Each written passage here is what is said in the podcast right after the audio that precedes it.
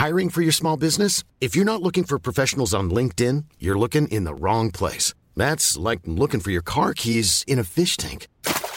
LinkedIn helps you hire professionals you can't find anywhere else, even those who aren't actively searching for a new job but might be open to the perfect role. In a given month, over 70% of LinkedIn users don't even visit other leading job sites. So start looking in the right place. With LinkedIn, you can hire professionals like a professional. Post your free job on linkedin.com slash people today. Everyone knows therapy is great for solving problems. But getting therapy has its own problems too. Like finding the right therapist, fitting into their schedule, and of course, the cost. Well, BetterHelp can solve those problems. It's totally online and built around your schedule. It's surprisingly affordable too. Connect with a credentialed therapist by phone, video, or online chat, all from the comfort of your home. Visit betterhelp.com to learn more and save 10% on your first month. That's BetterHelp H E L P.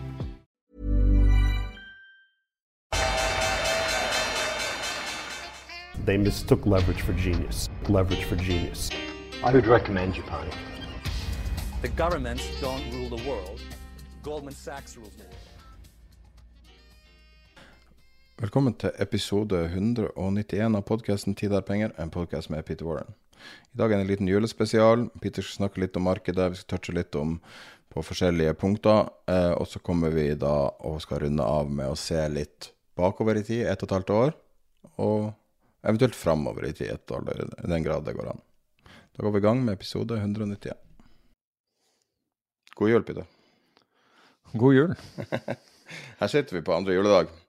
Um, og um, det har jo vært litt, uh, litt uh, markedsaktivitet siste uka. Vi er stengt i dag, mandag. Det åpner i USA på tirsdag. Uh, mm. Men det har jo vært litt drama med Egentlig helt siden morgenen etter forrige episode. Det var natta til tirsdag der i hvert fall en liten overraskelse kom. Og, men hva, hva, er det som har skjedd siste uka som har bitt seg ja, det, det. Altså det, det, er jo veldig mye rødt, da. Altså når jeg ser over, over, det arket vi har som dekker alt fra aksjemarkeder til uh, råvarer og valuta og, og, alt mulig rart, um, så, så, er det veldig mye rødt, men, men, med noen unntak. Og et av de unntakene, det er jo vi, snakket om, om, faktisk om forrige gang. Annet uh, nevnte vi at eh, Biden burde, burde skynde seg hvis han skal få kjøpt tilbake denne, all den oljen som uh, han har solgt fra de strategiske lagrene. Og bare i forrige uke det, Som sagt, han, de har jo vedtatt å kjøpe bitte, bitte lite grann, altså 3,3 millioner fat. Det er, det er, rett og slett ingenting. Um, men det er mulig at markedet tok det, det, det som første signal. Og for øvrig, når de vedtar å gjøre det, så tar det noe sånt som 13 dager før de kan uh, før de faktisk kan effektuere. Men i forrige uke så ledet oljeprisen an til oppsiden, hvor brent olje stiger med, med 6,7 um, Og litt interessant med det er da at oljeaksjer Altså vi, vi snakket jo om den, den, denne her uh, divergensen mellom utviklingen i oljeprisen og oljeaksjer, altså nemlig at på, på, det tidspunktet hvor vi skrev, så var jo olje flat på året. Altså hadde, oljeprisen hadde ikke steget i det hele tatt. Altså Vi vet at den steg i mellomtiden, men, men nettopp på året. Nå, nå er oljeprisen opp ca. 8,5% på året. Mens oljeaksjer, som i, fjor, som i fjor, holdt jeg på å si, i forrige uke steg 3,3% altså omtrent halvparten eller mindre enn halvparten av hva oljeprisen steg, er opp 57 og da er det klart at kjapt nå så vil folk si at det er pga. gassprisene. Men da er det det interessante med gassprisene. Fordi gassprisene i forrige uke, både i eh, USA og i Europa, faller med 24 Og europeiske eh, gasspriser er nå opp bare 18% på året.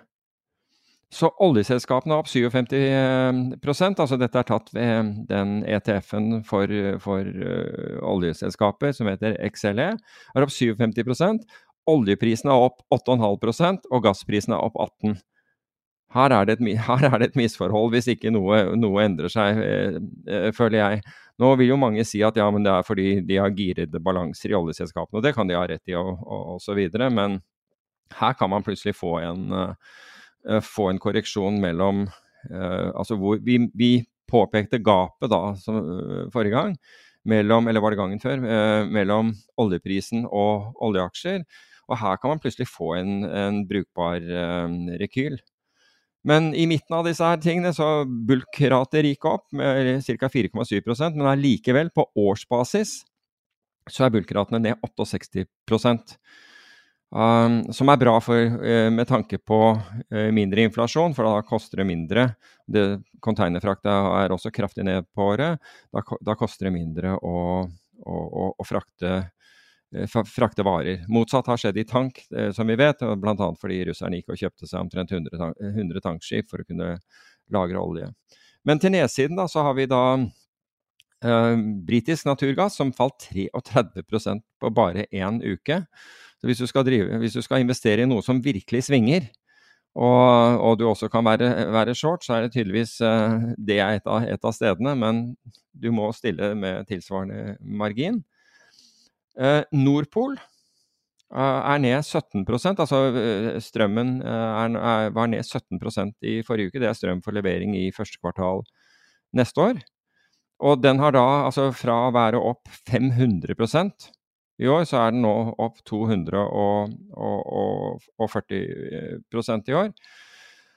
Og det jeg har lyst til å, å si, altså apropos det, så, så går det jo denne her saken som har versert nå. Jeg tror det er først og fremst Dagens Næringsliv som har, eh, har eh, kjørt den. Hvor dette GNP Energy, som er da et, eh, et, et, et, norsk, jeg mener at det er børsnotert selskap, som da hadde eh, solgt fastpriskontrakter til kundene.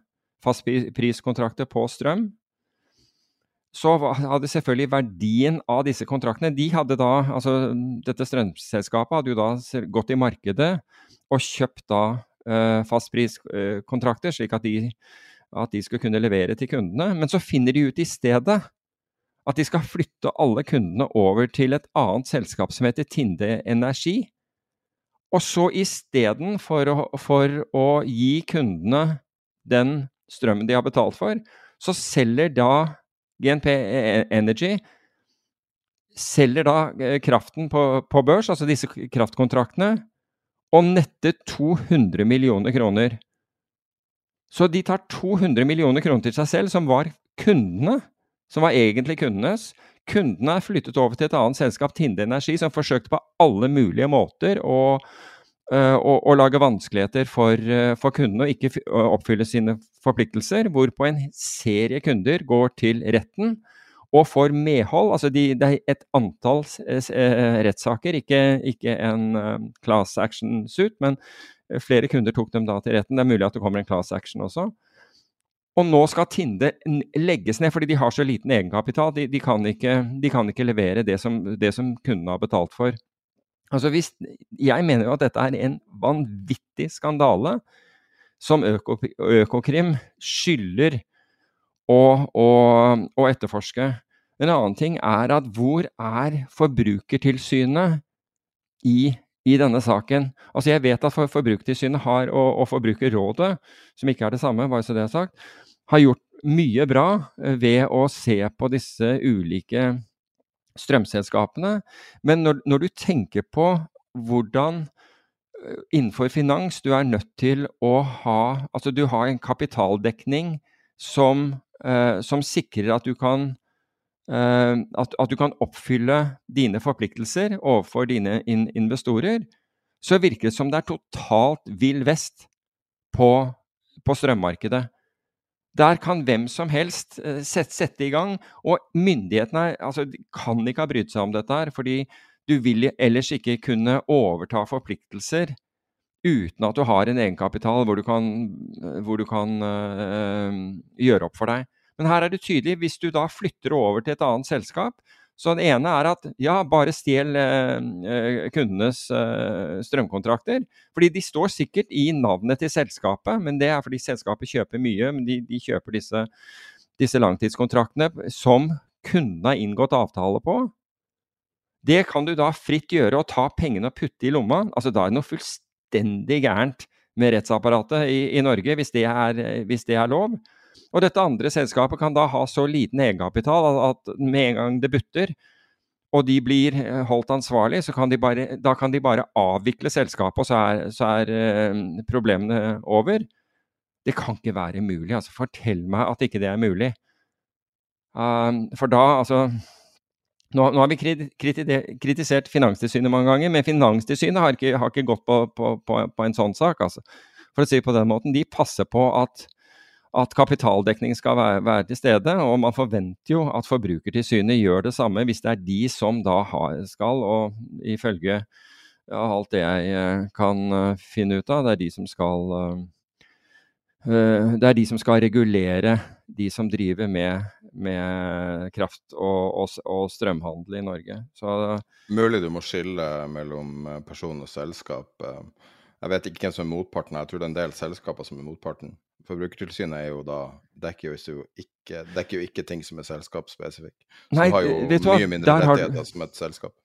Der har du rett, men du kan si at da må jo avtaleretten komme inn. Men men kravet til selskapet Nei, svindel, greit. Uh, ja, altså kravet, kravet, til, ja, nettopp, kravet til selskapet, som da selger deg disse, disse, kontraktene, må jo være i henhold til, altså, i henhold til norsk lov. Du, må, altså, du, du, kan jo ikke påta deg et ansvar som du, som du ikke kan, kan oppfylle. Og, og, det er ikke sånn at altså Én ting er at prisene har steget for all del, og de har steget fort, men da får du liksom fylle på med egenkapital. Sånn er det bare, ellers så går du ut av business. men å beholde kundenes strøm. Tvinge kundene over i et annet selskap, og deretter selge dette og putte pengene i lomma.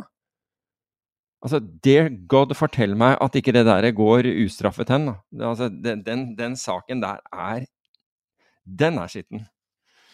Nå blir vi saksøkt også, bare for å si det, men uh, Ja, gjerne. Det har vært god PR. Saksøk oss gjerne. Tid er penger. Så, nei, tid er penger, gmail Nei, tid er penger podcast at gmail.com.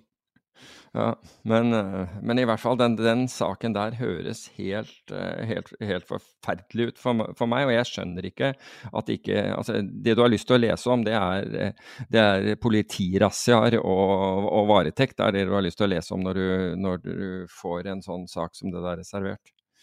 Ok, skal vi gå videre, og det er kan jeg bare komme med en observasjon på, på, på, uh, på, skjermen her? Når du sorterer på siste uka på vår watchlist, som er da ting vi følger med på, så så jeg bare én mm. ting nå når jeg sitter og hører på de oppsummering.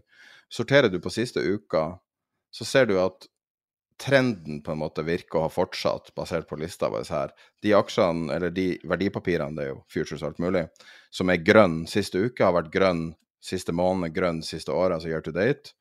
Mens resten så er det Altså, det, det er fargekoder, sånn at uh, the trend is your friend her. Altså det som har falt gjennom året, har også falt siste måned og siste uka. Bare ja, jeg så i hvert fall en kommentar om at, at nyttårsrakettene Og nå skal jeg ikke nevne til hvilket meglerselskap, så det var ikke det som var, var, poenget, men der hadde liksom alt gått ned, bortsett fra én.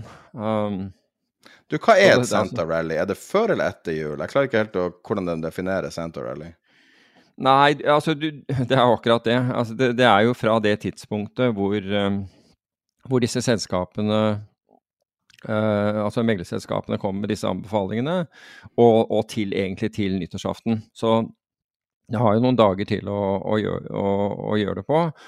Men det som skjedde, var jo at, at altså etter, Jeg går på Investopedia nå. Jeg går på Investopedia. Ja. Santa Claus Rally described the sustained increase in stock market that occurs in the week leading up to December 25th. However, there seemed to be some disagreement about whether these rallies happen in the week leading up to Christmas or if it's the week after Christmas until January 2nd. Mm. Så det er litt hvordan du vil ha det. Men eh, det ser dårlig ut for Senterrallyen, i hvert fall. Ja, det, det, ser, det, ser, jo litt tungt ut. det, det, gjør jo det, men stranger things have, have happened. Men, uh, men, det er jo ofte det der at Og det, var jo Jeg husker det der var når, når det essensielle var når du fikk beskjeden fra din megler om hva de, skulle, hva de skulle, putte ut. For da, det fikk jo du før det kom i pressen, for å si det på den måten.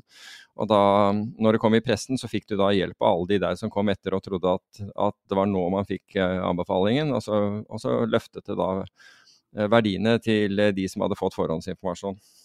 Ja, bare, å presisere. Det du beskriver nå, er du får analysen fra, på e-post uh, som alle andre analyser. Men du har en viss forutinntatthet at det her kommer til å havne i media også. Det er vel det du beskriver, ikke sant? Ja, altså du kan si det havnet i media. Altså Greiene var at de ga det jo til media. Meglerhusene ga det jo til media etterpå. Det var ikke Altså, du fikk vi... Altså, nå, nå er dette en, en, en, del år tilbake. Det kan godt hende at noen av disse praksisene er, er endret siden. Men da ringte jo megleren din deg opp og fortalte hva som skulle komme. Det var før det dukket opp noe e-post, for å si det på den måten. Og så dukket det eventuelt opp, opp e, e-post, men det kunne jo være dagen etter, for den saks skyld. Og så skrev avisen om det dagen etter der igjen. Så du fikk liksom full eh, Altså, du fikk en, eh, en skikkelig tjuvstart. Men det er jo det som er problemet å være forutsigbar. Ingenting av det der er ulovlig, ingenting av det der er engang potensielt sett uetisk. Det er jo bare det at aktører opptrer veldig forutsigbart. Ja, og det var da det begynte å slutte å virke. Det mer forutsigbart det var, så begynte det å slutte å virke, for flere kom inn, og da gjaldt å ta Og så så man jo at den dagen hvor uh, hvor, hvor, man skulle avgjøre dette her, så, så, var det jo et fall i kursene, for da skulle jo alle ut. Så da gikk jo folk ut dagen før. Og så oppdaget man at egentlig dagen før sluttdatoen så begynte kursene å gå ned. Så begynte man å selge dagen før der igjen. Og problemet var jo også at det var mange som satt og ventet på dette og giret opp. Det var ikke noe vits å investere i aksjer resten av året omtrent, og så kjørte du på den der siste. Og da hadde du i hvert fall ikke råd til at, at det gikk ned. Da måtte det gå og så begynte dette her å, å ødelegge seg selv. Så det betyr ikke at ikke det ikke finnes selskaper som av, av forskjellige grunner at, at, det kan være skattemessige nedsalg i forkant og alt mulig sånn, som gjør at, at de kan være verdt å, å, å, plukke opp. Men jeg må innrømme at jeg, jeg ser ikke på, på, det der annet enn at jeg leser, ser det som, som overskrifter. Det har ikke vært et, noe som jeg har deltatt i. for å si Det, det er mye som skjer på makrosida, da. Det var en interessant ting som skjedde i forrige uke. Uh, det er mulig at det var teknisk sett uka for der igjen, men jeg spotta det for forrige uke. Um, I 2008 og i 2020 så er det en graf vi har her som sender nyhetsbrev også, som viser discount-vinduet til Fed. Som i praksis å låne penger fra, fra Fed mm. direkte. Mm. Normalt er jo, gjør du ikke det. Uh, du kan se på det som en litt sånn nødreserve av penger. Uh, og den grafen skjøt i været i 2008. Enorme, altså over 100 milliarder dollar som ble lånt i diskantvinduet på det meste. Og i 2000, ja, behov for likviditet. Og i 2020 var det ca. halvparten. Mm. Og nå begynner for første gang siden da Det er bare da de her grafene er opp. Og nå begynner eh, grafen å krype oppover. Så nå begynner bankene å benytte seg av diskantvinduet til Fed. Og det har mange har stilt spørsmålet hva er det som skjer? Og vi hadde jo en diskusjon på, på chatet av det, um, der du hadde ganske gode svar på det. Kan du, kan du bare gjenta litt hva vi snakka om, om, om diskontvinduet, ja, og hvorfor altså, akkurat nå? Er det her et skummelt altså, du... tegn, eller er det naturlig? Eh, jeg, jeg, vil si at det er naturlig, men det betyr ikke at det ikke kan, være, at det kan, ikke kan ha skumle implikasjoner, for å si det på den måten. Men eh, den siste premissen i, i den som leverte det, det, dette til oss, det var jo at markedet var jo fullt av likviditet, så han skjønte ikke hvorfor dette var. Det er en premiss som er gal i utgangspunktet, fordi Federal Reserve gjennom kvantitativ eh, innstramning har trukket likviditet fra markedet i hele år og fortsetter å gjøre det. Så hele Det er det ene. Det andre er tapene folk har, har, har eh, gått på. Har, har, trukket likviditet. Nå snakker jeg om eh, tap innenfor aksjer, innenfor obligasjoner, gud forby innenfor, innenfor krypto. Alt har redusert likviditeten i markedet. Så vi kommer Vi befinner oss i et marked, skatteøkninger for den saks skyld, altså sånn som her, har redusert likviditet. Og det gjør at aktørene benytter da f.eks. ikke reverse repo, men repo-markedet eller, eller, Fed discount window for å skaffe ytterligere likviditet. Så det er, det er egentlig noe som du ville forvente skjer når likviditeten blir redusert i, et, i, i markedene generelt. Um, og så kan du si at, at grunnen til at de forskjellige altså Enten så er det fordi de ønsker å være i forkant. Akkurat over årsskiftet så er det jo, er det jo ofte et, eh, Bankene har et sånt likviditetsbehov. Ønsker å sikre seg eh, likviditet. Um, og også vise bedre likviditet enn en, en ellers. fordi da, det er jo ofte da man, man ser på nøyaktig hva situasjonen var, altså når, når tall legges frem. eller som legges frem riktignok i, i etterkant, men da ser du situasjonen. Så, så, jeg ville jo sagt at det er helt naturlig. Om det ligger noe, noe annet skummelt bak dette, det vet jeg ikke. Men jeg ville sagt at jeg, jeg syns ikke det er unaturlig, for å si det på den måten. Jeg syns det som foregår, er, er naturlig, så det, det, får ikke meg til å Altså, jeg, når jeg begynte å se nedover, så Men så så jeg liksom premissen. Eh, og premissen var at markedet fløt over av likviditet, og da, da tenkte jeg du, her hvis, hvis, det er de, den premissen du legger til grunn for dette, så jo, er, jo, er, jo, premissen din i utgangspunktet feil. Så, det spørs litt hvordan du definerer likviditet, da. Du definerer du likviditet i markedet, og da mener jeg i futures, i aksjer, i opsjoner, i alt mulig. Eh, så nei. Men på balance-sheeten til bankene så flyter det over av likviditet.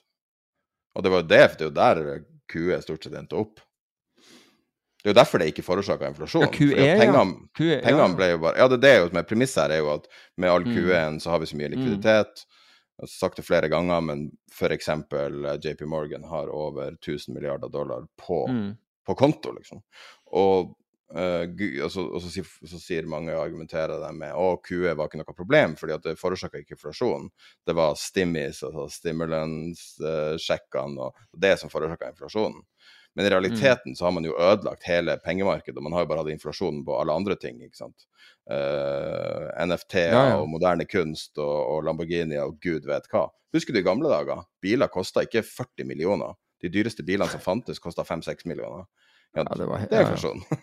Ja, det er, det er, i, det er i, sann inflasjon. Så, men, men, eh, Nei, så bare for å, for å legge den død, jeg, jeg, ser ikke noe eh, det at, det at man bruker det diskantvinduet I øyeblikket ser jeg ikke som, som et, et, et, faresignal, men det er klart at man kan jo følge med på dette hvis, hvis det utvikler seg.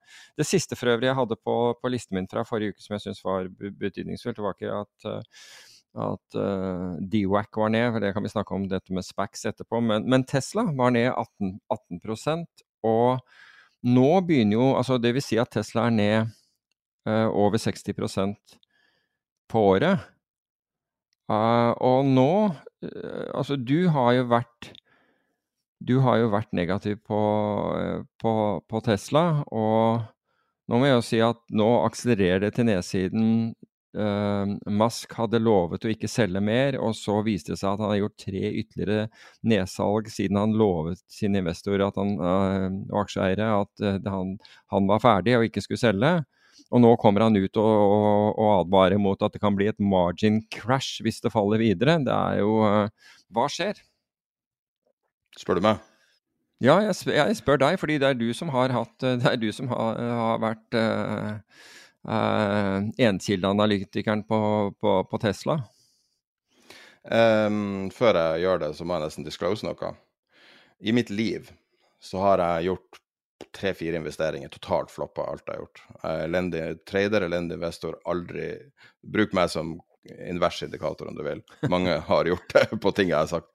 Men um, jeg har gjort uh, en trade eller to trader på Tesla, som er fortsatt på uh, via opsjoner og via CFD-er.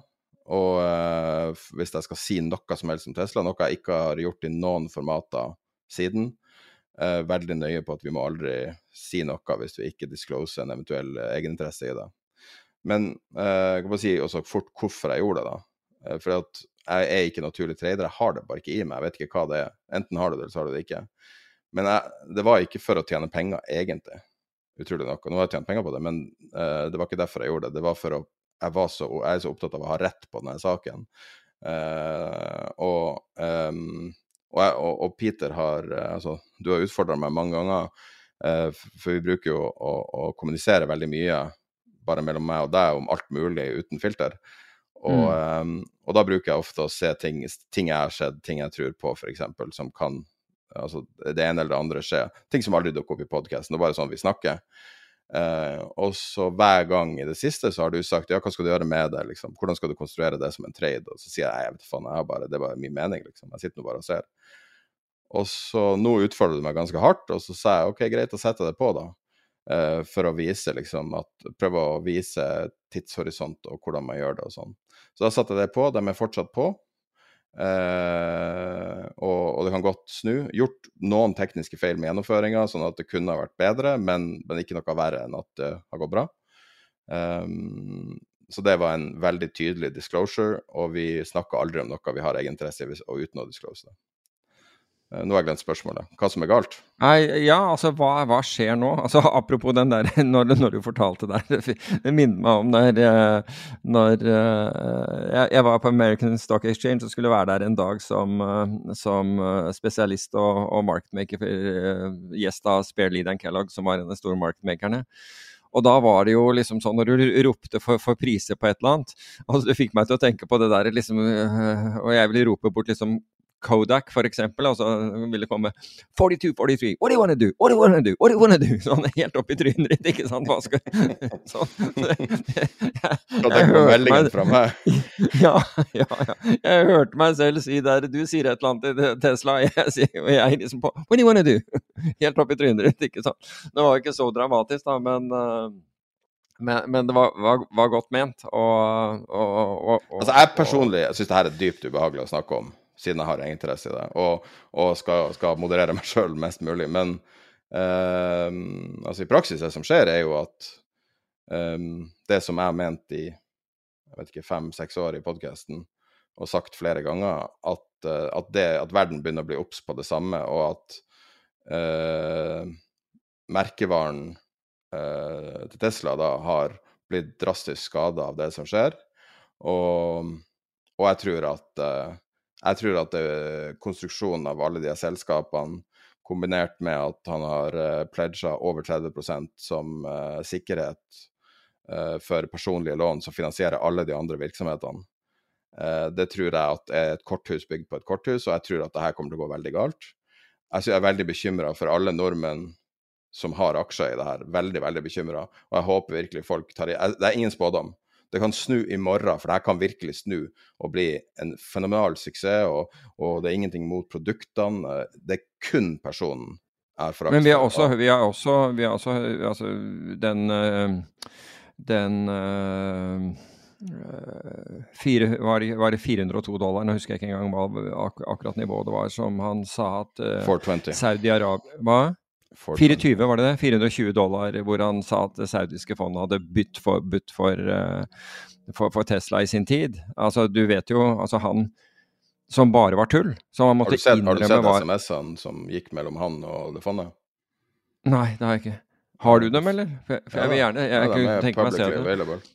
Men, men, det var jo også det var jo et oljefond, det saudi-arabiske oljefondet, som han påsto hadde budt 420 dollar for selskapet. De hadde kjøpt aksjer i selskapet, og så hadde han uh, Altså i den samtalen så ser du at at han driver og anklager dem for at det går ikke an å jobbe med dem, og han skal aldri mer jobbe med dem, og du får meg til å se ut som en idiot og sånn. Jeg leste litt gjennom det, men jeg, jeg prøver, for å være helt ærlig, så prøver jeg bare å lese positive nyheter om det selskapet, og det tuller jeg ikke med engang.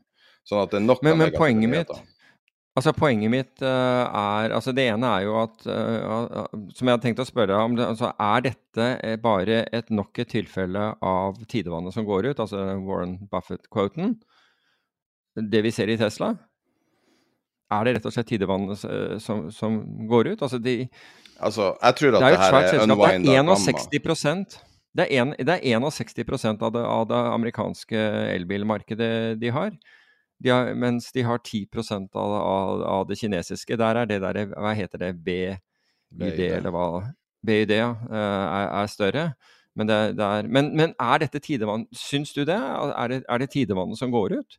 Altså, jeg så på The Boring Company nå, sorry at jeg avbryter, men The Boring Company, som var da verdsatt i mange milliarder dollar, som er en tunnelboremaskin altså For det, det, andre har ikke virket. Det der vakuumgreiene hvor det skulle blåse fra et, et, sted til et annet under bakken, har jo ikke virket i det hele tatt. Så det er rett og slett en, en tunnelboringsmaskin verdsatt til 5,7 milliarder dollar eller noe sånt. Det virker jo helt absurd. Nei, det er verdsatt til mer enn det. Så jeg kan, skal jeg ta okay. oversikten. Jeg har full oversikt over det. Jeg har gått gjennom alt. Jeg vil bare vite alt som er da. Og det er jo noe jeg ikke har publisert. Jeg hadde skrevet det ned som en blogg, men jeg har ikke lagt den ut. Ens ærend fordi at jeg har ikke lyst til å være så negativ. Jeg vet mange irriterer seg over at uh, nummer to Ja, altså Tesla er jo en religion, negativ. og der skal man være forsiktig.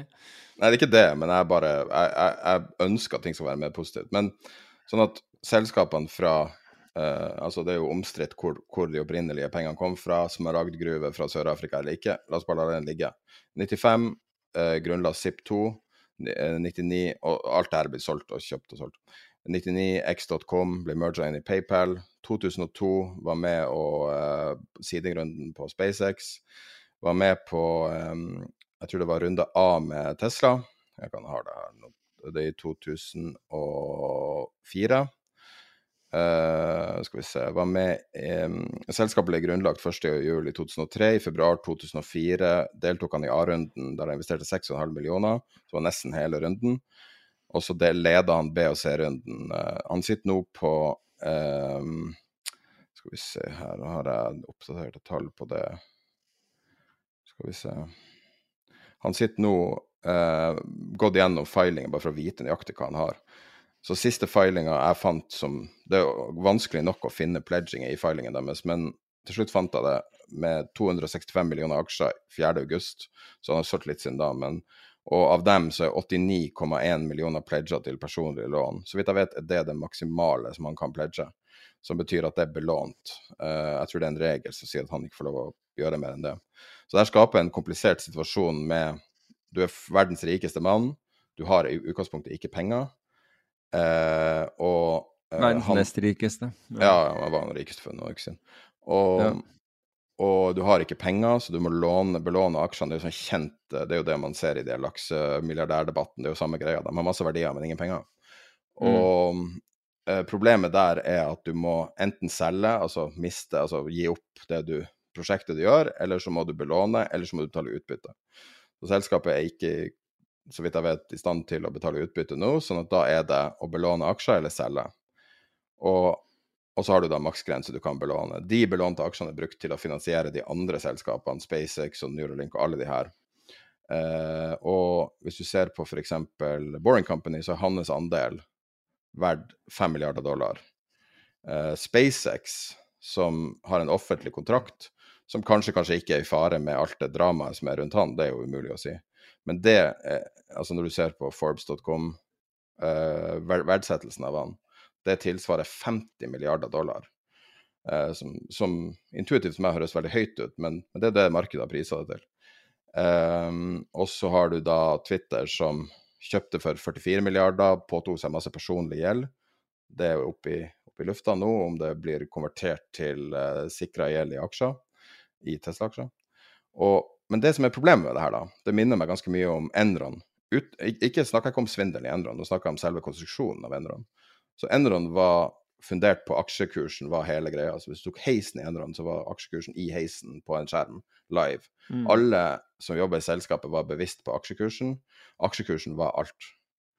Og det som er skummelt med et sånt selskap som har aksjekursen som alt, og bruker aksjekursen som sikkerhet for alt, er hvis den snur, så har du et problem, for du får en invers renters renteeffekt. Og det er det du ser nå. Du klarer ikke å stoppe tidevannet hvis det fortsetter. Så eh, hvordan nivået han får eventuelle margin call på, om han selv, er kanskje ikke opp til han. Det er kanskje opp til Morgan Stanley. Og det er snakk om ganske store andeler av totale låneboka til Morgan Stanley, som er Tesla. Mm. Så det er liksom korthus bygd på et korthus, det er min hypotese. Ja. Uh, altså Samtidig så har han jo, han har jo fått til mye. Fått, altså, det der å ha 61% av, av det, det amerikanske elbilmarkedet og har, Jeg er ikke sikker på hvilken prosent han har av de eh, Tesla har av det norske. og nye, Nyeste den, hva er den het for noe? Y. Eh, Tesla Y med en eller annen sånn spesiell pakke. Får liksom toppkarakterer og, og så videre. Så det er, det er jo mye bra her også. Det er mye, det er, det er mye som ikke er bra òg. Det er jo liksom folk som uh, hvor, hvor, bilen deres står fast på Gardermoen fordi den uh, begynte å oppdatere software og ikke kunne flyttes etterpå. Sånt. Det, er my, det, er mye rart. Men, uh, men, det blir i hvert fall spennende å se, fordi jeg føler at vi nærmer oss et sånt der punkt, et sånn infliction-punkt her på, på, på, dette selskapet hvor, hvor, hvor Altså, de, de, siste, de, de siste tilbederne eh, er i ferd med å kaste kortene. Du, altså, du ser stadig flere begynne å stille spørsmål. Dette er de for øvrig Det er ikke nye spørsmål, det er de samme spørsmålene som du har stilt i to år. Men, eh, men nå ser du at også de begynner i hvert fall å diskutere innholdet av, disse, disse, spørsmålene. Så det blir interessant å, å, se Altså jeg tror 2023 blir et veldig, eh, veldig viktig år for, eh, for, for Tesla. Og det er jo Hva tror du eventuelle smitteeffekten kan være av det? Det er jeg mest bekymra for. Jeg er ikke så veldig interessert i selskaper. Jeg, jeg syns det er flotte har... biler, og jeg liker dem veldig godt, det er ikke det. Men, men det jeg er mer bekymra for, er at det er så stort. Hva betyr det når sånne store verdier faller så mye? Ja. Et selskap som har så stort, fall, 10-20% på en dag. Hva, hva det betyr ja, det for resten? Det, altså, hvis det faller 20% på en dag, det er jo helt voldsomt. Det, har, det har konsekvenser. Og, og, det utløser garantert margin calls og mye annet. Men jeg kikket litt på det i dag, og, og jeg trodde at Tesla kanskje var en av de, de selskapene som hadde tapt mest i da, markedsverdi i, uh, i, uh, i, USA i 2022, men det er det ikke faktisk. De er, de er på fjerdeplass. Men det er jo betydelig med 622 milliarder dollar. Eh, I prosent så var den altså det er ingen av de selskapene over, der, eh, over eh, Tesla som har falt tilsvarende i prosent. Men Amazon er på, på toppen med 805 milliarder i, i forsvunne kursverdier. Selskapsverdier. Apple på andre med 753 milliarder, og Microsoft med 700 milliarder. Og så kommer da Tesla med sine 622 milliarder dollar. Så Altså, jeg må jo si at tatt i betraktning den verdidestruksjonen du har fått i aksjemarkedet altså Nå snakker jeg om internasjonalt. USA er jo en veldig stor andel av det internasjonale, i hvert fall av verdensindeksen. Eh, obligasjonsmarkedet og ikke minst kryptomarkedet. Så så langt så syns jeg at ting har vært utrolig robust. Altså, jeg vet at kursen er ned, der, jeg diskuterer ikke det. Og kurser på enkelte ting er, er, er ned 90% Men nettopp med en verdidestruksjon som dreier seg om et eller annet sted fra 20 til, la oss si, nær 100 Det er ting som har falt 99, et eller annet. Vi hadde jo husker jeg, Var det Flyr eller et eller annet sånt? Um, som, som, hadde denne forferdelige verdireduksjonen. Uh, så syns jeg at markedet har tatt det veldig Altså er forbausende robust. Og kjøpekraften, i hvert fall rundt jul altså den, den, den kan nok forklares på, på, på, mange måter, men er også eh, robust. Og det har skjedd Altså, det er en krig i Europa. Det er i øyeblikket en kuldebølgen fra helvete i USA. Og det virker allikevel som systemet, samfunnet, er fortsatt resilient, da. Og, og, og det jeg, jeg, må innrømme at hadde noen på forhånd sagt disse tingene til meg, så, så hadde jeg tenkt at da er det nattsvart.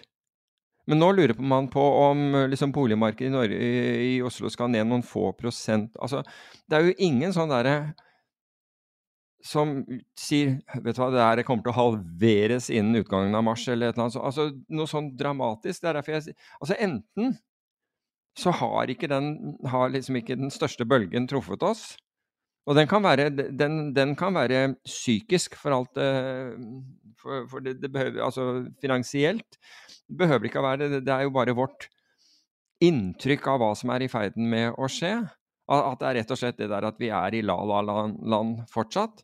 Men min konklusjon, altså min på dette her, er at ganske fornøyd, mer enn ganske fornøyd med hvor robust systemet er. Altså vi går fra liksom rosen, rosenrød, altså fantastiske, altså ut av i hvert fall langt inn i 2021. Alt går oppover, alle piler peker oppover, vekst er Og alt er til å diskutere at, at atomkrig med en, krig, eh, med en pågående krig. Så my, mye, veldig mye har skjedd, og, og, og det, dette er mer ja, ja, Vi kan jo snakke mer om, det der. Vi skulle liksom dvele litt mer med hva som har skjedd i, i, i, forrige uke. Men Tesla var jo definitivt den. Så kan vi gå på disse større vyene helt på slutten. Men i tillegg, da, i forrige uke, så var det jo to ting eh, som skjedde. Den ene eh, nok mer betydningsfull for det globale enn den andre. Og, den, den, og da refererer jeg til Bank of Japan, som da endelig eh, ga etter og begynte å, å justere på, på rentebanen. Um, og det fikk en umiddelbar effekt, hvor du fikk en av de største, uh, største kursoppgangene i japanske yen som vi har sett. I hvert fall uh, som vi har sett siden 80-tallet. Og dette Vi snakket om dette Eller vi har egentlig snakket om det i, i hva er det, halvannen måned, kanskje to. Om hvordan om denne carry-traden, hvor folk lånte igjen, for japansk igjen fortsatte å svekke seg, og de holdt renten nede slik at du lånte billig, og så kunne du plassere det i alt mulig annet, i alle, alle mulige andre valutaer som ga bedre avkastning, eller statsobligasjoner i andre valutaer osv. Men plutselig så, så endrer Bank of Japan policyen. Altså, det er jo tredje tiltaket. Først den intervensjonen som kom rett etter at vi begynte å snakke om det, og som var den første på, på, på over 30 år. Så ble den etterfulgt, og det, jeg syns det var for langt mellom, de, eh, mellom, den første intervensjonen og intervensjonen vil si at den japanske sentralbank da solgte dollar og kjøpte japanske igjen. De har plenty av dollar der borte, tro meg. De er en av de største eierne av amerikanske, amerikanske statsobligasjoner.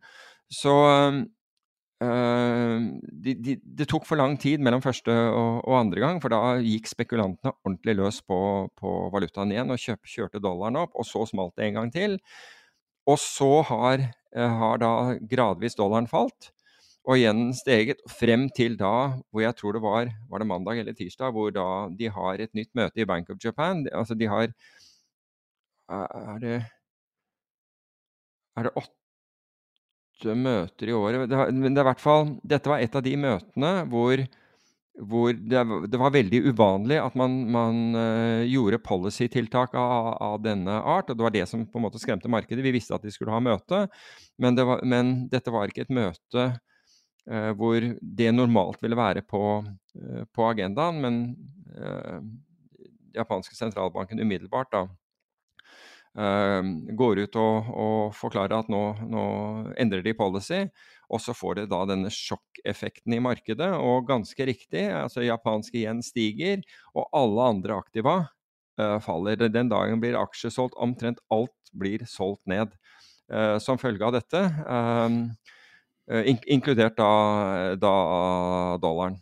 Så, kan vi bare ha noen kan... perspektiver på det fra litt andre kanter? Um, ja, kom igjen. Kom igjen. Vi, vi siterer jo ofte han som kaller seg Makro-Alf på, på, Twitter, Alfonso, eh, som har tidligere forvalta store penger og har ofte veldig skarpe analyser, spesielt på makro. Og Han syns jeg hadde en veldig fin måte å se der på. Eh, han sier at når den største kapitaleksportøren i verden plutselig endrer hvordan de belønner lokale folk til å spare, så vil det her få store makroøkonomiske konsekvenser. Og så hadde du han um, eh, Hva heter han eh, sitt, Det er flere vi siterer ofte, men, men det var eh, Jeg kan finne navnet etterpå. Men det en annen sa, var at eh, tradere lukter blod, og det her vil ikke stoppe. Og de to perspektivene tror jeg er, er ganske gode analyser på å forstå Altså, Én ting er noe som skjer den dagen, det er nesten irrelevant. Men de langsiktige konsekvensene eh, er litt sånn vanskelig å begripe. Når jeg våkna den morgenen og prøvde å ta inn over meg hva som hadde skjedd, så tok det ganske lang tid før jeg forsto implikasjonene av noe sånn. Mm. Og, og, på den annen side så er det jo her nøyaktig sånn som Bank of Japan alltid holder på. De har en annen filosofi enn andre sentralbanker, der de er uvanlig opptatt av sjokkelementer. Uh, og det var i 1989 gjorde de det veldig stort. Det er Bloomberg som har uh, litt bedre hukommelse enn meg. Uh, men der sendte de et sjokk inn i markedet som da fikk store effekter. Og det dem, Deres filosofi er basert på at de vil ikke være forutsigbare nødvendigvis, sånn som andre sentralbanker. De vil være litt mer uforutsigbare. For når de først gjør noe, så må det være stor impact. Og de har en tendens til å gjøre ting i juletider, av en eller annen grunn. Om det er tilfeldig eller ikke, det vet jeg ikke. Um, og um, de er nok fornøyd med resultatet av det her, men det, det, man kan stille spørsmål om, er hvordan ringvirkninger vil du få bare, bare carry-traden alene, som Altså, det kan jo være at, at, folk tjener på det. Vil kanskje tro det intuitivt at de gjør det, men det kan du si mer om. Men, men det er vanskelig å si nøyaktig hvordan det her vil påvirke, kanskje spesielt banknæringa. Hvem vet? Ja, altså du, du kan si at jeg, det, var, det, var, nok neppe veldig mange som var forberedt på, på dette. Og, og noen hadde, hadde, garantert blitt klemt ut av gjenlån etter de to, eh, eller i hvert fall etter, etter, siste intervensjon. Men hvis du ser på den spekulative åpne interessen i, i uh, gjenkontrakter, så har, er den nå tilbake på augustnivå. Så her, det, så her har folk likvidert posisjoner voldsomt, altså. Og den, den, dagen mener jeg at japanske yen hoppet 3,5% som er en sånn helt vilt for en valuta på en dag. Altså med mindre uh, Altså vi, vi, har, vi, har, verre sånn som, som, som sveitserfrangen i 2015, men, men 3,5% for en så stor valuta på en dag, det er stort. Altså det er mye. Spesielt fordi at det er igjen. ja, spesielt fordi det, det er igjen. Og du så jo også de japanske, uh, altså JGB, altså de japanske statsobligasjonene også å droppe eh, kraftig. Så, så, dette her har slått i markedet. Men igjen så vil jeg jo si at til tross for at da eh, forrige uke for de aller fleste aksjemarkedet var, var til nedsiden, jeg tror Oslo Børs starte seg litt til, oppsiden, så vil jeg allikevel påpeke at jeg syns det er forbausende robust til tross for en sånn der voldsom unwind som det der, eh, som det, det, det trigget. Men tenk deg Archegos, tenk deg Archegos da. Ja. Hvor lang tid gikk det før vi klarte å se impacten på Credit Suisse, f.eks.? Mm. Det var ikke umiddelbar, det. Det er ikke neste dag. Vi så et rart nei, marked. Nei, nei, nei, nei, nei, For, for all del. Eller uh... Sånn at uh, jeg, jeg, vil, jeg, vil, ikke konkludere med noe som helst med Japan. Og jeg tror at uh, det her kan være en trend, det her kan være starten på noe. Jeg tror også at markedet kan motarbeide det her masse. Men når du hører liksom han Bank of Japan, han Kuroda fra Bank of Japan si easing policy has led to a non-deflationary environment. Han er så redd inflasjon, han tør ikke å si inflasjon. Mm. Han kaller inflasjon non-deflationary. Og hvis det er ett land på jorda som absolutt ikke tåler høy inflasjon, så må det være Japan. Mm. Så altså, Det er jo også de som har hatt den, den laveste. altså Der, ligger den på altså Det siste tallet jeg så, i hvert fall, var, var, var 3 Nå skal det også sies at en del av de I dag for øvrig så er eh, globale makrofond på, på forsiden. Den blir hyllet av, eh, av, Financial Times fordi de har, de har, levert sterke resultater, med unntak av det norske. Uh, og det, det eneste norske. Uh, så har de levert utrolig sterke resultater i, i, år. Og det var jo også da UBS sitt globale makrofond og BluePay de, gjorde visst, de slo visst ballen ut av parken på den, på den gjenbevegelsen. Hvem er så, BluePay? Det hørtes kjent ut. Det var fra way back. Ja. Hvem er det? Nei, altså de, det var jo Altså, jeg, de er vel gjort om til, um, uh, til, til Family Office, de også. Men uh, i, i, takt med en del andre som, som ikke orket mer regulering og, og, mer tull, det ble så mye kostnader. Det var, mye, det var mer kostnader med å ha investorer enn, enn, å, enn å, å, ikke ha investorer og, og investere i egenkapital. Da, da, har du lagt det godt til rette, syns jeg, fra myndighetenes side.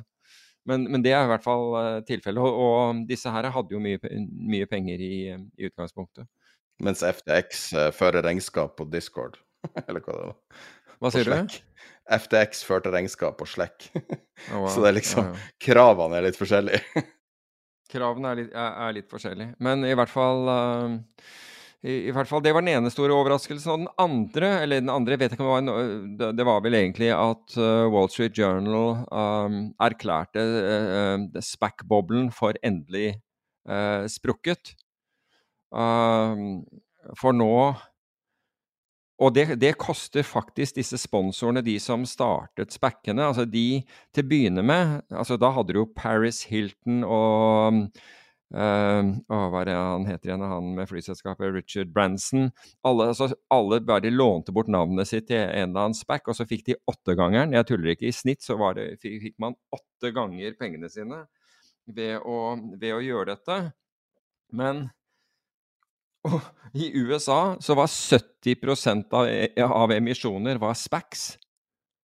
Altså Det er et, et sinnssykt tall. Det var derfor norske advokater kom på banen og gjerne ville innføre SPACs i Norge, som, som Finanstilsynet faktisk, gir dem honnør for, honnør for det, har um, vært veldig restriktive til. Men, um, men nå, altså SPAC-indeksen, altså indeksen over disse SPAC-ene, var nesten opp 500% fra start. Og nå er den i minus fra start. Så det forteller egentlig Er det inneværende år, alt sammen? Driten som ble Nei, det, det, det, går Altså, den hadde to topper. Den ene, den ene toppen var, var, i år, og den andre var, var tidlig i år, og den andre var, var, i fjor eller i 2020. Men det ser ut som en sånn kamel omtrent, den der indeksen, hvis jeg ikke tar feil. Men uh, nesten 500% var den opp.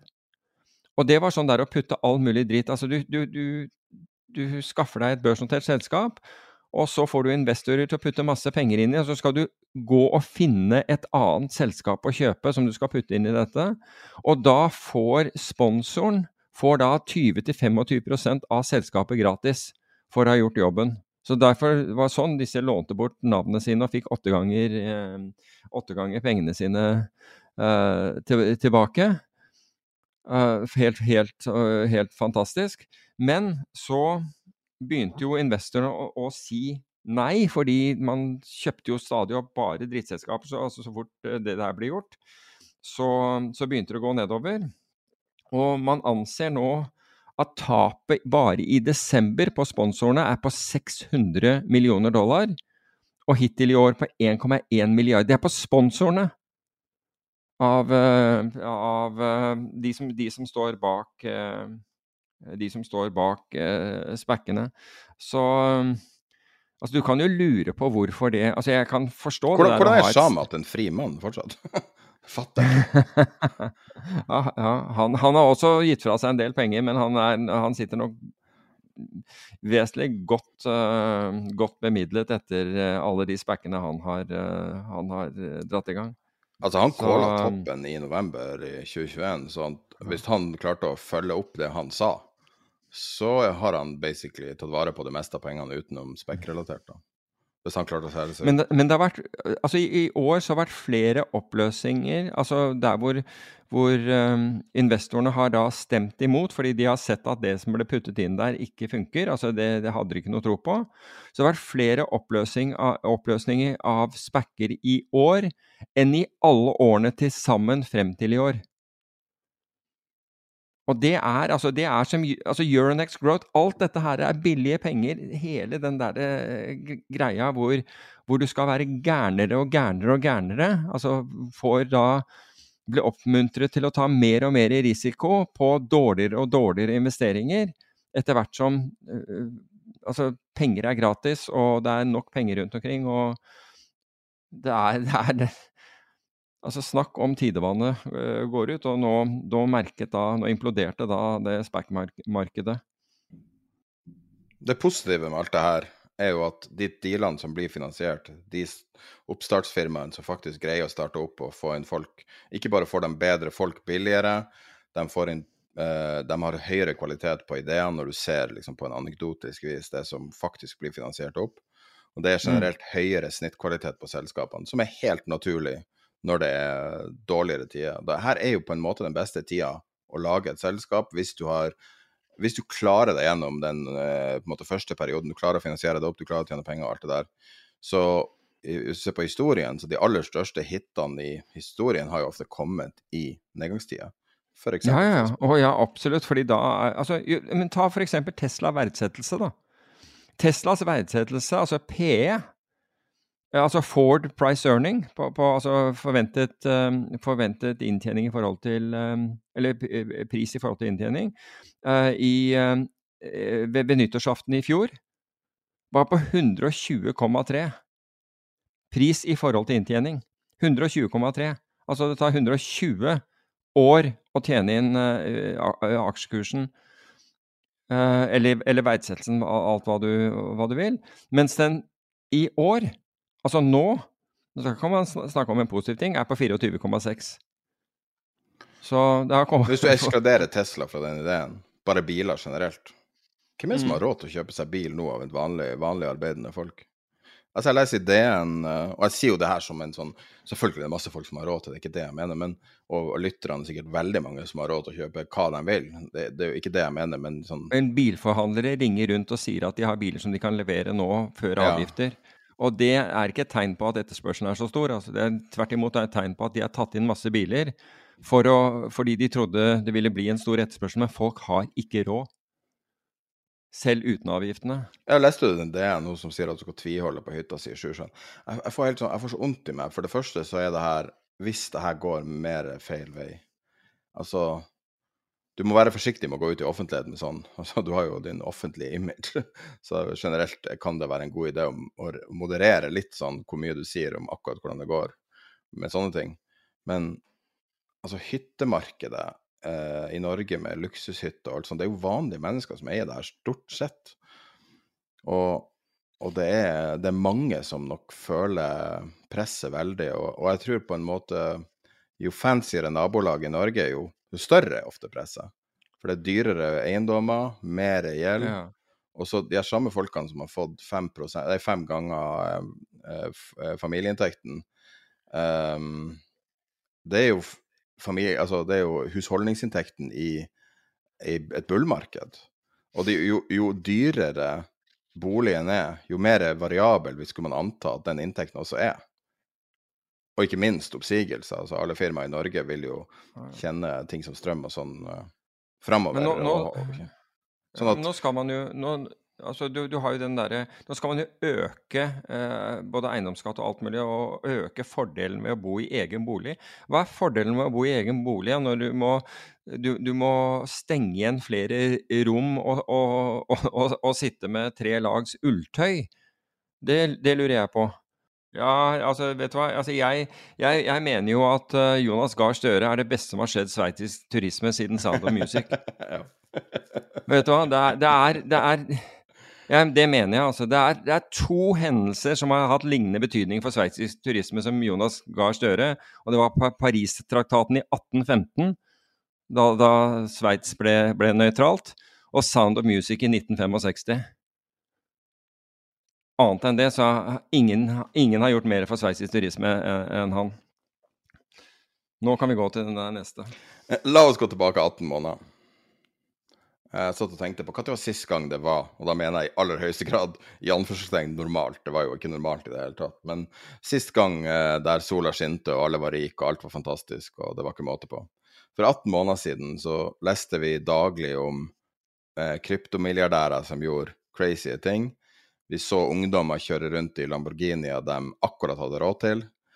Um, du hadde folk som kunne lage formue på bare å sitte og vitse på internett, og kjente mennesker kjøpte seg inn og ut av eh, ymse kryptovaluta og netta liksom titalls og hundretalls millioner. Du hadde mm, et aksjemarked som var på bare tidenes topp, og eh, fastrenta i Norge var vel noen få punkter over null. Altså det var jo Det var så enkelt å bli rik, da. Altså historisk enkelt å bli rik. Og jo mer risikovillig du var, jo mer belønna ble du generelt sett. Og hvis du hadde reist tilbake med en tidsmaskin og fortalt om andre juledag 2022, så vet jeg ikke hvordan responsen hadde vært. Men det du visste da, var QE slutter på slutten av året. Det visste du da for 18 måneder siden. Mm. Og hvis du hører på podkasten da, og podkasten vi hadde rundt eh, siste episoden vi hadde i 2021, så snakka vi om at dette året kunne bli vanskelig pga. Uh, mindre penger i omløp, eh, altså sentralbankpenger i omløp. Og altså hvis du ser da 18 måneder tilbake og tenker liksom at du skal, du skal si at på nyheten i dag så truer, så sier Putin at han har plassert sånn Iskander eh, systemer i Hviterussland og kommer igjen med trussel om atomkrig. Og responsen han får er ja, ja, du får nå bare skyte det. Ingen tror på noe du sier, hold nå kjeft. Og hvis du hadde sagt Mm. at eh, at vi delte på Twitter tidligere i dag eh, et bilde som, som, som trender i dag eh, på, på Reddit, den, den nettsida. Så det er veldig mange som, som har liksom respondert på det. Som er et bilde fra en sånn gammel sånn speiderbok eller et eller annet, som er et triks for å holde seg varm i huset hvis det er iskaldt i huset. Der du kan ha to telt inni hverandre for å lage en sånn uh, isoleringssone. Og det er mange folk som Og, og det blir beskrevet som en life hack. Og mm. det sitter 200 millioner amerikanere enten uten strøm, i fare for å være uten strøm. Uh, det må jo være titalls tusen som er døde i denne kulda som er nå. Eh, på toppen av det så kommer det en hetebølge over Europa nå fremover. Eh, hvis du ser på værmeldingen, så er det liksom ti grader i Berlin uh, på værmeldinga. Og um, altså, det er alle mulige ting på en måte som kan gå galt eller være variabelt eller et eller annet, har gått galt. Du ser at, at uh, verdier svinger, sånn som Robin Hood. Hvis du går tilbake til januar 2021, sier du at Robin Hood skal være nesten null verd. Ingen kommer til å snakke om det i slutten av 2022. Det er bare helt borte. Og da var jo det alt. Da var jo det, Og så var det liksom Nå skulle du bli rik på memes og memestocks og alt det. Det er ferdig. Alt er vaska ut. Og, hvis du hadde gått tilbake og fortalt det, så, så, tror jeg folk egentlig ikke hadde trodd på elendighet, og du hadde blitt kalt en krakknisse og en tulling. Jeg vet ikke, men det var ikke det at folk syntes du var en nisse. Folk ble jo sinte. Husker du ikke det? Folk ble sinte når man, man eh, snakket om den absurditeten. Det, det, vekket, det vekket, sinne, harme, ikke sant, med, med en gang. Og det, er, og det, er, jo som jeg har sagt før, at, eh, at folk har så mye følelser tilknyttet bl.a. Tesla og eiendom og en del, del, andre ting, at man skal være forsiktig med å nevne dem. Fordi det er så mye følelser Eh, knyttet til det. Og det er klart at Hvis man har såpass mye følelser knyttet til det, så så er det jo akkurat det motsatte av hva du, du, skal gjøre som investor. ikke sant? Du skal jo tvert imot forsøke å ikke knytte følelser til, til investeringene dine, men, men, rett og slett bare opp, opptre rasjonelt. Men det er nettopp det at du knytter en følelse til. Det har jo også med hvis du skal huske noe lenger, så, uh, så, knytter du en følelse til, eller musikk til, eller hva som helst som gjør at du, du, at du, du husker det lenger. Um, med en gang du gjør det, så, så, så, mister du objektiviteten din. Men du klarer ikke å se at objektiviteten din er, er på en måte truet fordi følelsene dine sier noe annet. Og, da, og det resulterer i at hvis noen true følelsene dine, så blir du sint. Og så enkelt er det øh, på, på, mange måter. Så du kan si at det at vi blir følelsesmessig engasjert i noe, det bør jo egentlig få oss til å sette oss opp i stolen og si du, hm, er jeg nå mitt beste? Er jeg den beste til å vurdere dette, eller skal jeg faktisk begynne å kikke litt etter eh, antagonistene? I, altså at noen f.eks. negative analyser, eller i ditt tilfelle, da, du, du snakket om, om uh, å være short Tesla, ikke sant, og så snakket du om da du ser etter positive analyser.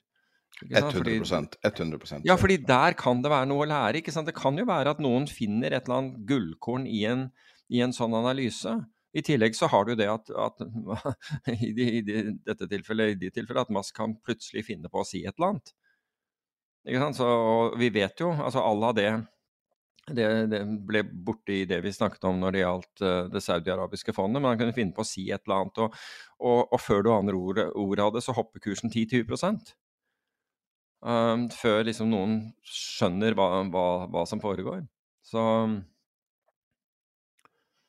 jeg, jeg, tenker jo at hvis man i år har hatt det tøft sånn i, i markedene, og det var en Jeg tror det var du som viste meg det. En eller annen som åpent fortalte at han hadde tapt 22 millioner kroner. Halvert formuen sin.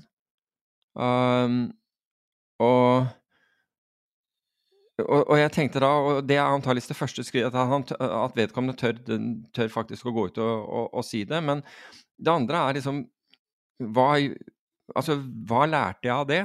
Istedenfor at du føler at du er blitt urettferdig behandlet. Altså det er alle andres feil, og du gjorde ingen feil, og uh, du hadde bare uflaks, eller, eller, hva som helst. Men tenke igjennom liksom hva Den feilen jeg gjorde der, den har kostet meg mye penger, men den, den, den skal ikke De pengene skal ikke være bortkastet, fordi det, i det ligger det lærdom Sånn forsøker virkelig jeg å, å tenke på det. det. det. må ligge noe lærdom i det.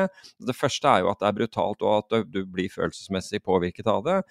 Men når du liksom klarer å ta litt distanse, så er det nettopp å se på ok, hva, hva kunne jeg lære av det? Hva, hva, hvordan kan jeg bli med den kunnskapen jeg fikk nå, som var brutalt dyr, hva kan jeg bruke den til for å bli bedre, for at ikke det skal gjenta seg, for å rett og slett bli en bedre investor, eller bli en bedre hva, uansett hva du ønsker å bli? Det er måten å se det på, det er growth mindset, istedenfor å dømme deg selv nord og ned og si at du er håpløs og, og, og miste fullstendig selvtillit. Altså, du bestemmer det selv. Verktøyene er der. Det er nesten så jeg har lyst til å Jeg kunne holde foredrag om disse tingene. Av og til så blander jeg det inn i foredrag, men jeg tenkte faktisk på det her, her forleden dag. Men, men, med de verktøyene som du har tilgjengelig, og som vi alle har tilgjengelig, og som noen bruker, og de aller fleste ikke, ikke bruker fordi de enten ikke er klar over dem, eller 'Å, det er så slitsomt', eller et eller annet sånt. Men komme inn i en rutine hvor man får noe positivt ut, ut av, av, det hele.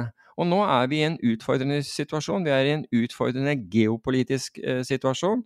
Vi er i en utfordrende energisituasjon, delvis, kun delvis, pga. Eh, den eh, forannevnte situasjonen.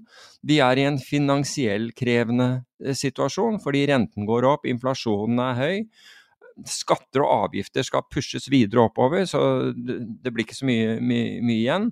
Så og da bør man virkelig sette seg ned og tenke ok, hvordan, hvordan kan jeg gjøre noe positivt ut av, av dette? Uh, og her kan man lære noe. Si, du skal ikke lære av politikere. Uh, her, jeg må bare ta en til, for denne her irriterer meg. Og det er at når det snakkes om, fordi regjeringen liker å kalle det strømstøtte, så, så er det jo sånn Vet du hva vi betaler i strømstøtte? Spør, spør man da journalisten. Og spør journalisten sier eh, ja, det er så og så mange Ja, men det er like mye som skoleverket koster oss i året. Og da tenker du å herregud, den riktige setningen ville være å si at til tross for at vi har, betaler ut strømstøtte, så sitter staten igjen med like mye på toppen av det har vi en gevinst som tilsvarer det vi betaler for, for skoleverket i året. Å, du har gevinst? Da tenker jeg, hva bruker du den til? Nei, det, det er ikke tema. Men det det er den faktiske sannhet. Så de er jo Jeg vet ikke om de er geniale med å orm, omformulere det sånn at, uh, at, man skal liksom Å ja, nei, det er så fint at dere gjør det. Eller å, bruker vi så mye til dette? Det høres ikke bra ut. Gevinsten er like stor etter at du har betalt ut eh, strømstøtten. Gevinsten, den vi tar til oss selv. Det hadde vært en ærligere måte å, se, å, å si det på. Jeg skal slutte å rante. Hvordan tror du de neste 18 månedene blir? Jeg tror, jeg tror, de blir krevende, men, men, altså jeg tror de blir krevende, men, det vil, men full, antageligvis med mange flere muligheter enn det som har vært i år. Fordi i år har vært et omstillingsår for mange, rett og slett å, å forstå at ikke bare markedet går oppover. Det hender at de ikke gjør det. Så eh, det er et år Altså etter et slikt år så bør man reflektere akkurat som jeg, uh, som jeg nevnte. Altså hva er det optimalt å ha en portefølje bestående av kun aksjer og obligasjoner f.eks.? Kan hende at det er det, men liksom at man i hvert fall stiller seg selv de spørsmålene. Eller hva, hvordan kunne dette sett bedre ut? At man faktisk gjør den den ehm, øvelsen. Så jeg tror at det kommer mange muligheter. Dessverre, må jeg si. Dessverre kommer det mange muligheter på grunn av de omveltningene som, som, skjer i næringslivet ved at bedrifter går konkurs, bl.a. pga. Av, av, av høye strømpriser, men også pga. Av, av inflasjonen for øvrig. Og det skaper da muligheter for andre, men det er jo liksom det er vondt å tenke på det som en positiv ting. Fordi uh, altså den, en, den enes uh, Hva heter det for noe? Enes død er den andres et eller annet. Hva er det for noe? Brød. Ja, er det andres brød nettopp? Altså, det er litt vondt å tenke sånn, for jeg har absolutt ikke noe imot de, og, og syns oppriktig synd på, på, de som nå mister sine næringer, mister sine bedrifter, mister sin, sine hardt opptjente penger, rett og slett fordi politikerne gjorde en brøler når, når, eh, når eh, de godkjente tysklandskabelen og, og kabelen over til Storbritannia. Um, men, men, jeg tror at ved alle sånne infliction points som, som skjer, så skapes det nye muligheter. Om dette er det mest næringsvennlige landet å utnytte og forsøke å utnytte muligheter i, det, er, det, det, det tror jeg mange vil, eh, vil hevde at ikke så er. Og, er. og, vi er i hvert fall ikke for, forutsigbare. Men, uh, men, uh, men på, jeg tror på ingen måte at, liksom, at fremtiden er svart. Er, jeg tror det er muligheter. Masse, og det kommer flere. Det gjør det, altså. Hva du tror du om tid er penger neste 18 måneder? Hva du håper skal skje? Hva, hva jeg håper skal, skal skje? Jeg trenger ikke være spesifikk skal være generell? Nei, altså du, du, kan si at vi forsøker å utvikle Tid er pe penger hele tiden. Noen ganger så uh, kan det synes overveldende mye uh, for, for, meg, men nå er jeg eldre enn deg. Uh, men vi gjør jo virkelig det. Vi forsøker jo virkelig å finne nye muligheter for å få frem informasjon, budskap, analyser eller hva, eller hva det måtte være. Altså, Samtidig så, så, er jo egentlig dette en, en god anledning til å, til å, takke de som eh, støtter oss. Um, det, det, er, det, er, ikke gitt at folk vet hvor mye jobb det er med å, å ha en ukentlig podkast, og at, at, det er faktisk noe du jobber med hver dag i uken, altså de andre dagene i, i uken uh, også. Men det er det faktisk. Altså vi, vi, det, er jo, det, er jo, en, er en stor jobb å gjøre det. Men det er fordi du forsøker å gjøre den så god du kan, og noen ganger så, så klarer man sikkert ikke å gjøre det så godt som, som kan være forventet. Men vi forsøker i hvert fall å gjøre det. Og, og for de som og for de som støtter oss, er det liksom en varm takk for, for, for den anerkjennelsen. Supert. Da vet jeg ikke hva man sier i romjula. God jul og godt nyttår, er det det man sier? Nei, men jeg har lyst til å si én ting. fordi jeg var, jeg var ute og, og, løp i dag morges i, i, regnværet, og det er regn på is. Og jeg hadde en sånn øh, jeg, jeg ba folk være forsiktige før, før, julaften, slik at de overlevde og, og, kom gjennom julaften, for ingenting er verre enn liksom, å miste nære og kjære rett før jul, hvilket jeg har gjort, og, og på julaften, hvis, hvilket jeg også har gjort. Um, men forholdene, i hvert fall her på østlandsområdet, er vesentlig verre, farligere nå, og var det i dag morges. Det, altså, du kan bare glemme altså, jeg, Det er en bakke ned, som jeg kjører ned, ned, til der jeg bor hver dag. Det var som å kjøre korketrekkeren, altså. Det var ingenting som beit. Um, så vær forsiktig, klar å komme gjennom denne uken, og så vi alle, vi alle kan uh, ses eller høres i, uh, i, det nye året. Ha et riktig godt nyttår.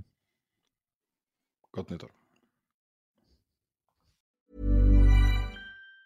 Planning for your next trip? Elevate your travel style with Quince. Quince has all the jet-setting essentials you'll want for your next getaway, like European linen premium luggage options, buttery soft Italian leather bags, and so much more. And it's all priced at 50 to 80% less than similar brands. Plus, Quince only works with factories that use safe and ethical manufacturing practices. Pack your bags with high-quality essentials you'll be wearing for vacations to come with Quince. Go to quince.com slash trip for free shipping and 365-day returns.